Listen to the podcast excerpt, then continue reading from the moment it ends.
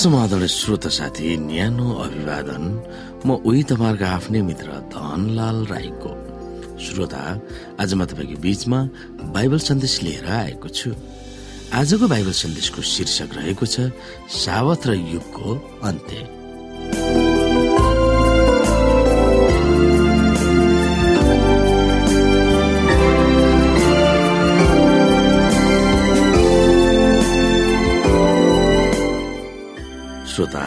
यस सावत र युगको अन्त्य भन्ने बाइबल सन्देशमा हामीले विशेष गरी अध्ययन गर्नुपर्ने बाइबलीय पदहरू रहेको छ याकुब दुई अध्यायको आठदेखि तेह्र।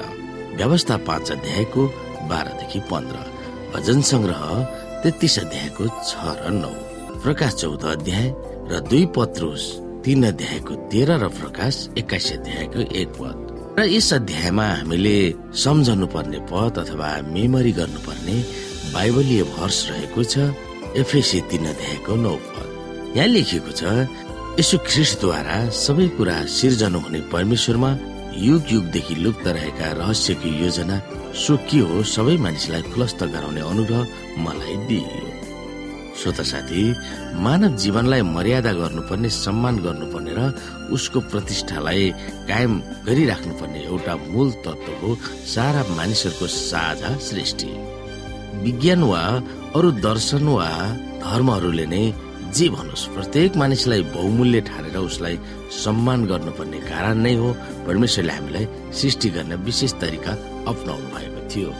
चाहे नजन्मिएका आमाको कोखमा भएको बालक होस् अपाङ्ग भएर ओछ्यानमा परेको युवा युवती होस् निराशले ग्रस्त भएर मानसिक रोगले पीडित भएको वयस्क होस् वा वृद्ध भएपछि अलजमायर रोग वा बिर्सने रोग भएका हजुरबुबा वा हजुरआमा नै किन्न होस्।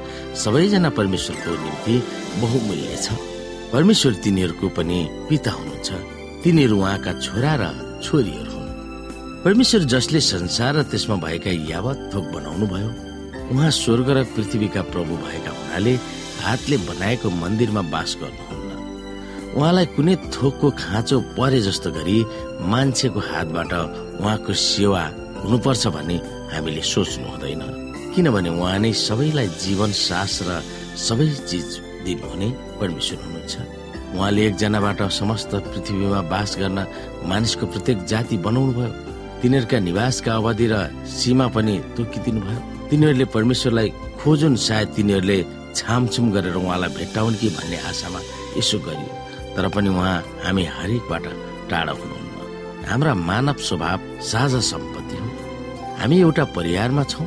त्यही परमेश्वरले हामीलाई बनाउनु भयो आकार दिनुभयो र उहाँको इच्छा अनुसारको ढाँचामा ढाल्नु भयो मानिसको मूल्य मान्यता र मर्यादा कतिको अमूल्य छ भनेर थाहा पाउन हामीलाई जुन रूपमा सृष्टि गरियो त्यसले मात्र ठिक बताउँदछ। जब जिन वा वंशाणु वा क्रोमोजोम मिलाएर तपाईँको विशेष जैविक संरचना र व्यक्तित्वको निर्माण गरियो तब परमेश्वरले सबै मानिस एकै खालका हुन् भन्ने मानिसको धारणालाई स्वत फ्याँकिदिनुहुन्छ। यस संसार र विश्व ब्रह्माण्डमा तपाईँ जस्तो अर्को व्यक्ति कोही पनि छैन। तपाईँ विशेष हुनुहुन्छ। सृष्टिको कारणले तपाईँले आफ्नै विशेषता हासिल गर्नुभएको छ। तपाईँ परमेश्वरको निम्ति कतिको किम्मती हुनुहुन्छ भन्ने सारा ब्रह्माण्ड सृष्टि गर्नुहुने। परमेश्वर आफै मानवीय शरीरको रूप धारण गर्नु भएर आफैलाई क्रुसमा तपाईँको निम्ति अर्पण गर्नुभयो ताकि तपाईँका पापहरूबाट मुक्ति हुनुहोस् भनेर। श्रोता साथी हामी यो बुझ्न सक्छौ कि परमेश्वर अथवा क्रिस सबै कुरालाई सिर्जन हुने र युग युगदेखि रहनु हुने उनी परमेश्वर हुनुहुन्छ। र उहाँको नजरमा कुनै पनि कुरा लुप्त रहने छैन। उहाँले सबै रहस्यका कुराहरू मानिसको बीचमा ल्याउनुहुनेछ र खुलस्त गराउनुहुनेछ। र हामीले अघि हेर्यौं एपिसी तीन अध्यायको नौमा युग युगदेखि लुप्तमा रहेको रहस्यको योजना के हो सो सबै मानिसलाई खुलस्त गराउने अनुग्रह मलाई दियो भनेको छ। श्रोता आज संसार अन्धकारमा छ संसारको मानिसहरू ती अन्धकारलाई पछ्याइरहेका छन्। हामीलाई विश्वास छ ती अन्धकारले हामीलाई अनन्त नरकमा पुर्याउँदछ। जबसम्म हामीमा प्रकाश हुँदैन जबसम्म हामी उहाँको राज्यलाई अथवा उहाँको योजनामा हामी रहँदैनौँ तबसम्म हामी ती अन्धकारलाई पछ्याइरहेका हुन्छौँ। र ख्रिस यसुद्वारा सिर्जनु भएका अथवा सबै कुरा सिर्जन हुने परमेश्वर जो त्रिय परमेश्वरलाई हामी पछ्याउँछौँ उहाँको योजनामा हामी हिँड्छौँ। हामी साँच्चै नै अन्धकारमा हिँड्नु पर्ने छैन र हामी ज्योतिमा हिँड्नेछौँ र ज्योतिले हामीलाई साँच्चै नै अनन्त जीवन प्राप्त गर्नेछौँ।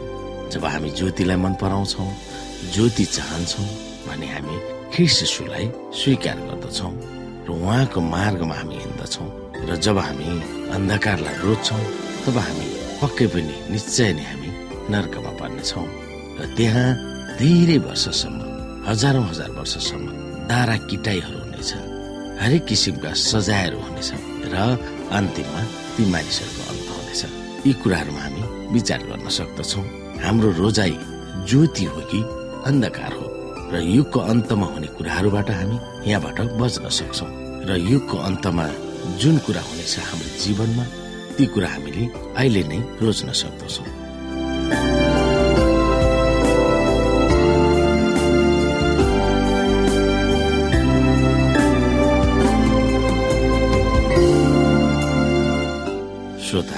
आजको लागि बाइबल सन्देश यति नै। हस्त नमस्ते। जय मसिंह।